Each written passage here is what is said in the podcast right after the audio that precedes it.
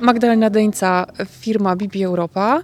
Witam w kolejnym odcinku Zasłyszane na BP. Dziś gościmy w Ośrodku Doskonalenia Techniki Jazdy Motopark Kraków. Jest ze mną Paweł Janicki, instruktor techniki jazdy. Cześć, witam. W poprzednim odcinku rozmawialiśmy z Pawłem o tym, jak przygotować siebie i samochód do bezpiecznej jazdy w trudnych warunkach zimowych.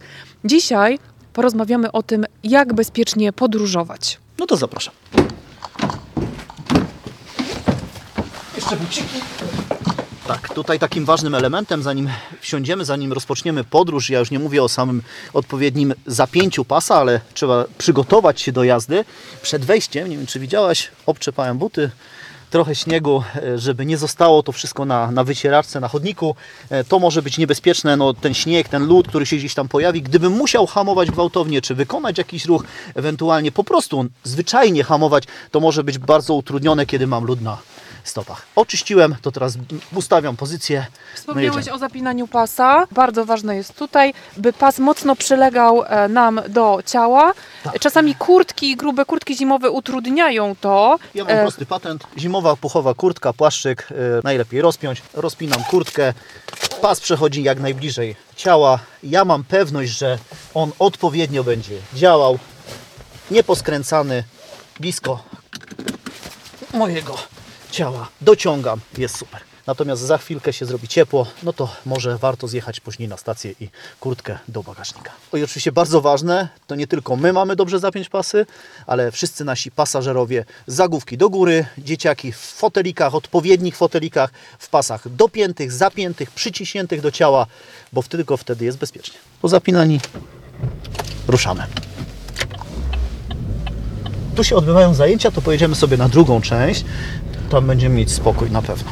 Jesteśmy na torze i akurat warunki są idealne do, do tego, o czym chcemy dzisiaj powiedzieć, czyli jeździe e, w trudnych, no zimowych warunkach, bo nie wiem, czy widzisz lód, śnieg, błoto pośniegowe, trochę No grudu. właśnie, a jak właściwie rozpoznać tę nawierzchnię? Czasami wydaje nam się, że jest super, jest sucho, świeci słońce i nic groźnego nie może nam się przytrafić. To jest bardzo trudne, więc to jest jeden z aspektów, który powinien charakteryzować e, kierowcę bezpiecznego, kierowcę defensywnego. Musi próbować cały czas analizować to, po czym się porusza, po jakiej nawierzchni się porusza, bo niestety w takich warunkach bardzo łatwo jest o błąd, szczególnie kiedy jeździmy nocą, kiedy w ciągu dnia gdzieś popadał śnieg, popadał deszcz i nagle temperatura bliska zero lub niewiele poniżej zera może spowodować pojawienie się tak zwanego czarnego lodu, czyli nam się wydaje, że nawierzchnia jest przyczepna w 100% jakościowo na, na wysokim poziomie, a zwykły ruch kierownicą czy zwykłe hamowanie e, weryfikuje to bardzo mocno, po prostu nie jesteśmy w stanie opanować pojazdu. Stąd też mówię, jeżeli mamy jakiekolwiek podejrzenia na wyświetlaczu naszego samochodu, zaalertuje nam się pomarańczowa czy żółta kontrolka e, o działającym systemie jakimś bezpieczeństwa czynnego, ESP czy system kontroli trakcji, to to już powinien być znak, wykrzyknik nad głową kierowcy, że może spodziewać się śliskiej nawierzchni.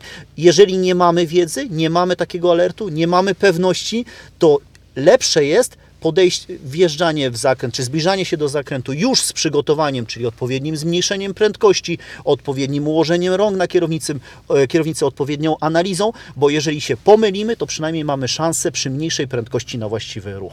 Teraz jedziemy e, w takie miejsce, gdzie właśnie jest słoneczko, i może się pojawić to zjawisko błota pośniegowego albo też czarnego lodu. No wszystko, o tu widzę, że wszystko mamy naraz, więc, więc zrobimy to w ten sposób, żeby się fajnie tutaj udało. I powiem o takim najczęstszym błędzie kierowców w czasie jazdy w tak trudnych warunkach.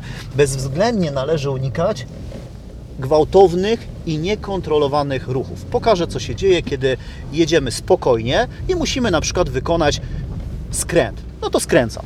Spokojnie, samochód reaguje z jakimś tam opóźnieniem, bo jest bardzo ślisko, ale jednak reaguje. Chcę skręcić, jest reakcja, jest poślizg, ja wykonuję jakiś ruch obronny i jesteśmy na drodze, prawda? Wszystko działa. Tak jak powinno działać, jadę dalej w tym kierunku, w którym chciałem jechać. Natomiast dla kontrastu zrobię tą samą, ten sam przejazd, tylko odrobinę szybciej i odrobinę bardziej spanikuję. Ufam Ci, bo wiem, że jesteś świetnym kierowcą, ale I zobacz, zaczynam skręcać, co się dzieje. Jadę szybciej, większe ruchy kierownicą i zobacz, panika. Zaczynam kręcić kierownicą, samochód robi się absolutnie niekontrolowalny. Nie mam szans nic zrobić. Oczywiście ja walczę, ja cały czas działam jakąś tam kontrą. Ten samochód troszkę się mnie słucha, no jest nowoczesny samochód, te samochody, którymi się poruszamy z reguły mają te systemy bezpieczeństwa, ale tak naprawdę niestety y, to była pełna improwizacja. Czy można się tego nauczyć? Oczywiście, że tak, tylko ja zawsze powtarzam jedną bardzo ważną rzecz, taką kluczową, jeśli chodzi o bezpieczną jazdę, o ten aspekt bezpiecznej jazdy na drodze. Otóż można być doskonałym kierowcą, można umieć wyjść z każdego poślizgu podsterownego, nadsterownego, czterokołowego. Można naprawdę znać fizykę samochodu czy pojazdu tak, że tylko można zazdrościć takiej osobie, ale lepszym kierowcą i bezpieczniejszym jest ten, który nie doprowadza do takich sytuacji. Czyli przewiduje, że coś takiego może się zdarzyć i odpowiednio wcześniej reaguje. Bo dla mnie bardziej komfortowe było to, kiedy jechaliśmy pierwszy raz, że ja jechałem z taką prędkością i ja wiedziałem, że ja to przejadę bez większego wysiłku, nawet jak tam się delikatny poślizg po pojawił. To drugie czy trzeci przejazd to była improwizacja i taka improwizacja nie charakteryzuje dobrego kierowcy kierowców bardziej mm, takich agresywnych kierowców, niebezpiecznych, liczą na to, że opona się dobrze zachowa, że samochód dobrze zareaguje, więc zobacz, wjeżdżasz na wierzchnia śliska, delikatny ruch, spokojnie, czekam na reakcję samochodu, tak samo, noga z gazu, delikatny ruch, mały skręt i jest wszystko w porządku, a to naprawdę jest bardzo ślisko. To już jest taka nawierzchnia, po której nikt z nas nie chciałby normalnie po drogach jeździć. Ale zrobimy taką sytuację klasyczną. Jedziemy drogą i nagle wykonaliśmy gwałtowny ruch, nie wiadomo po co. Zobacz, samochód zaczyna się ślizgać, destabilizuje totalnie, odwraca nas o 360 stopni. Bardzo gwałtownie, bardzo nerwowo. A wiesz tylko dlaczego tak się stało? Nie dlatego, że samochód ma kiepskie opony, nie dlatego, że nawierzchnia jest śliska. Tak, jest śliska. Samochód ma dobre opony. Tylko ja zamiast spokojnie skręcić kierownicą, szarpnąłem kierownicą, bo czegoś nie przewidziałem, bo zachowałem się zupełnie abstrakcyjnie. Zaserwowałeś takie emocje nie tylko dla kierowcy, ale również dla pasażera. Wyobraźmy sobie, co się dzieje e, właśnie z osobami, które z nami podróżują w takich trudnych e, sytuacjach, ale też z wszystkimi przedmiotami. Tymi, którzy, które nie byłyby zapięte, prawda? Albo które nie są zapięte, również z tymi wszystkimi przedmiotami, które ze sobą wieziemy. Nie wiem, butelki z wodą, jakieś jedzenie. To wszystko może fruwać tutaj w środku. Absolutnie do minimum. Ograniczamy liczbę takich rzeczy, które mogą gdzieś tam migrować w niekontrolowany sposób po naszym e, samochodzie. Warto pamiętać też, że czasami, jeżeli są takie płaskie podłogi, a w niektórych suwach, w niektórych vanach podłoga jest płaska, jeżeli coś tam leży, jakaś butelka, ona może nam się wtoczyć pod pedał hamulca e, w sytuacji, gdzie trzeba byłoby go użyć, e, może nam to skutecznie uniemożliwić. Ale my tu dziś poruszaliśmy się z prędkościami 45, 50, 60 na godzinę. To są prędkości bardzo nieduże. Wyobraźmy sobie, jak duże, bardziej agresywne byłyby nasze ruchy, czy tych rzeczy, które mielibyśmy w samochodzie, kiedy jechalibyśmy trochę szybciej, prawda? I ten samochód naprawdę na przyczepnej nawierzchni gwałtownie, bardzo agresywnie mógłby się zachowywać. No i czułaś e, i widziałaś to, jak to wygląda. Ja myślę, że łatwo sobie wyobrazić, że taka butelka, która leci z tylnej szyby, gdzieś z okolic tylnej szyby w kierunku naszej głowy, przy prędkości około 50 km na godzinę waży tyle, co mniej więcej 2,5-kilowy młotek, który leci w naszą głowę. To taki mniej więcej dla porównania, żebyśmy wiedzieli, jak to by było, przepraszam, bolesne. Wow, prawdziwy mhm. pocisk, naprawdę. Wiadomo, że musimy się nawadniać. Kawa, napoje, jedzenie, naprawdę, to mówiliśmy o tym, zaplanujmy na tyle dłuższy czas dojazdu, żeby to było przyjemne, że to byłaby forma właśnie już spędzania e, tego naszego wypoczynku. Część tego wypoczynku, część tego dojazdu, tą częścią integralną powinno być zatrzymanie się na stacji, e, odpoczynek, regeneracja, posiłek, picie i tak dalej, i tak dalej. Wtedy mamy pełen komplet i potem wsiadamy do samochodu i zajmujemy się tylko tym, co jest wtedy ważne. Mówię z perspektywy kierowcy, czyli prowadzenia. A propos sytuacji, która może nas zaskoczyć, bo tutaj omijaliśmy przeszkodę, przed chwileczką wykonywałem jakiś tam ruch obronny, natomiast taka podstawa podstaw to po prostu zwykłe hamowanie. Ja pokażę, jak to robić prawidłowo, troszkę w sytuacji awaryjnej oczywiście, że nie będzie to taka zwykła sytuacja, tylko po prostu też muszę się zatrzymać możliwie najszybciej, dobrze? A potem przejdziemy jeszcze do jednego aspektu, który też warto poruszyć. Dobrze, rozpędzimy się i musimy hamować awaryjnie, musisz się trzymać. Rozpędzamy się i mamy hamować awaryjnie. No to dwie nogi na dół i trzymam do końca. Częsty błąd kierowców w sytuacji awaryjnej jest to, że w nowoczesnych samochodach, czując takie uderzenie pod spodem, pod stopą prawą, czyli pod pedałem hamulca, odpuszczają. a tutaj chodzi o to, żeby uzyskać możliwie najkrótszą drogę hamowania, więc możliwie najszybciej. Jeszcze raz. Kopiemy w dwa pedały i trzymamy do końca, a jeśli trzeba byłoby ominąć przeszkodę, wykonujemy jakiś malutki, delikatny, spokojny, adekwatny do sytuacji ruch. Pewnie pojedziemy też autostradą. Czy jest coś szczególnego, na co zwrócić uwagę na takiej drodze szybkiego ruchu? Dwa tematy. Patrzymy daleko, czyli naprawdę daleko, nie na poprzedzający samochód, tylko dwa, trzy, cztery samochody dalej. Jak coś się dzieje, tam się coś dzieje, czyli tak daleko, my mamy czas na reakcję. A druga sprawa, naprawdę trzymajmy odpowiednie dystanse. Dystanse od innych pojazdów, odległości od innych pojazdów, to to jest taka podstawa podstaw. I dotyczy to takiego ruchu zwykłego, miejskiego, ale dotyczy to również jazdy drogami szybkiego ruchu, autostradami ekspresowymi i tak. Parę dni temu oglądałem e, taki film o poważnej tragedii. Wypadek, katastrofa drogowa w Czechach, e, najeżdżające na siebie na autostradzie samochody i to wydawałoby się, że coś, co się w ogóle nie może zdarzyć. Przecież no, mimo warunków, kiepskich warunków, mgły i tak dalej, śliskiej nawierzchni, ale widać było, że tam się samochody zatrzymują, a jednak bardzo dużo, bardzo wiele samochodów wjechało w siebie, jeden w drugiego, po prostu tak jakby, nie wiem, kierowca nie zauważył.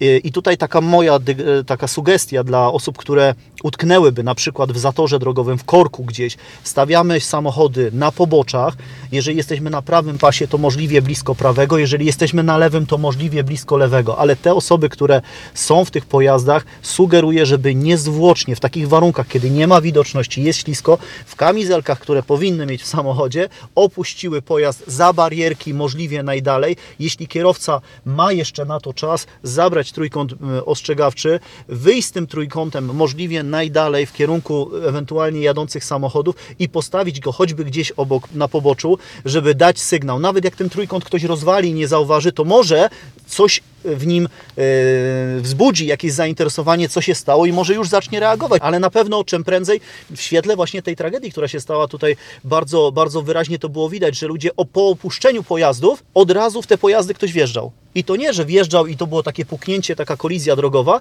tylko to było zmiażdżenie między innymi pojazdami całej osobówki. A w przypadku wjechania samochodu ciężarowego w samochód e, osobowy i jeszcze kiedy granicą jest następny samochód ciężarowy, to z tej osobówki nie zostaje nic. Także opuszczamy pojazd, bierzemy kurtki szybciutko, e, oczywiście mm, bezpieczny sposób, nie tak, że też chaotycznie wpadamy pod jadący e, samochód. Ja sugerowałbym, żeby możliwie wychodzić tą prawą stroną, jeżeli stoimy na prawym poboczu i szybciutko za barierkę to może nam uratować życie. Wspomnijmy o tym, jak bardzo ważne są odblaski, e, mhm. bo uczestnicy ruchu to nie tylko pojazdy, ale też osoby poruszające się piechotą, szczególnie w takich kurortach zimowych, gdzie wszystkim dopisują świetne humory. Czasami zapominamy o tym bezpieczeństwie. Łatwo wtedy o wypadek. Jakikolwiek odblask, jakiekolwiek niewielkie światełko na ubraniu może spowodować, że kierowca odpowiednio szybko zareaguje i zauważy. Więc jakby musimy się wspomagać dwustronnie. Kierowca tak, musi być wyczulony, skupiony, skoncentrowany, Y, jechać ze świadomością, że pieszy może się pojawić, ale ten pieszy to też nie może być bezmyślna persona, która wydaje się, że jest nieśmiertelna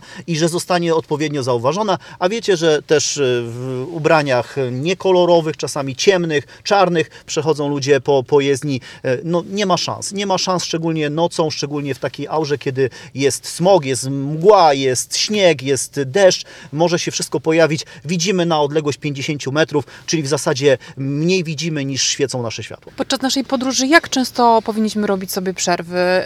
Yy, takie na odpoczynek, na posiłek, yy, na coś ciepłego? To jest bardzo indywidualne, ale tak nie więcej niż dwie godziny to jest taki maks podróży każdego człowieka, ale jeżeli się pojawią jakiekolwiek sygnały, że zaczynamy się kręcić, zmieniać troszeczkę tą pozycję, może zmieniać temperaturę w środku, może nawet muzykę czasami, widzimy, że to nasze ciało już daje nam jakieś malutkie sygnały zmęczeniowe, to czym prędzej zjeżdżamy na stację. Dwie godziny, ok, e, natomiast nie więcej. Nie więcej, bo możemy przeoczyć ten moment, gdzie pojawi się taka e, chwila dekoncentracji, mikrodrzemka, a to w przypadku jazdy na przykład drogą szybkiego ruchu autostradą, to gdzie przez sekundę potrafimy kilka kilkadziesiąt metrów przejechać, to ta każda sekunda dekoncentracji ma kluczowe znaczenie. I tutaj z kolei właśnie tak bardzo ważne jest planowanie podróży, żeby zaplanować również ten czas na przerwę. Jeżeli mamy długą podróż, pewnie nawet kilka przerw. Tak, ten odpowiedni odpoczynek to nie przypadkowy odpoczynek, e, to tak jak wspomniałaś, zaplanowany, przewidziany w tej naszej podróży, odpowiednie miejsca, gdzie faktycznie będziemy mieli gdzie usiąść, wypić spokojnie kawę, coś zjeść. Generalnie tak, żeby to nie było przypadkowe miejsce, zatrzymujemy się byle gdzie, byle jak, bo wtedy będziemy jak najszybciej chcieli z tego miejsca uciekać i ta, nasz, ten nasz odpoczynek nie będzie taki e, wartościowy, nie będzie adekwatny. Czyli stacja będzie y, nie tylko miejscem na odpoczynek dla kierowcy, ale również świetnym miejscem na odpoczynek dla pozostałych pasażerów, na nakarmienie dziecka, żeby nie robić tego w samochodzie. Unikniemy wtedy sytuacji, kiedy dziecko może się zakrztusić, zachłysnąć czymś. Nie karmimy w samochodzie dzieci, nie dajemy im y, posiłków, jakichś takich rzeczy, które mogą powodować naprawdę spore zamieszanie. Dla kierowcy również, bo przecież on siedzi, każdy bodziec e, Może go do nie, może go zdekoncentrować. Usłyszy, że dziecko na przykład się y, zakrztusi, a jest na przykład prędkość 140 km na godzinę i wyobraźmy sobie naszą reakcję, co się stało, o co chodzi, próba odwrócenia się, bardzo niebezpieczne, więc robimy wszystko, żeby tych sytuacji możliwie najczęściej unikać. Unikniemy ich na pewno wtedy, kiedy sobie to wszystko zaplanujemy. Paweł, dziękuję bardzo za Twoje bezcenne wskazówki. Mam nadzieję, że wszyscy wrócą bezpiecznie z ferii, a wszystkim życzymy bezpiecznej drogi. Tyle samo wyjazdów, co powrotów. Dziękuję bardzo.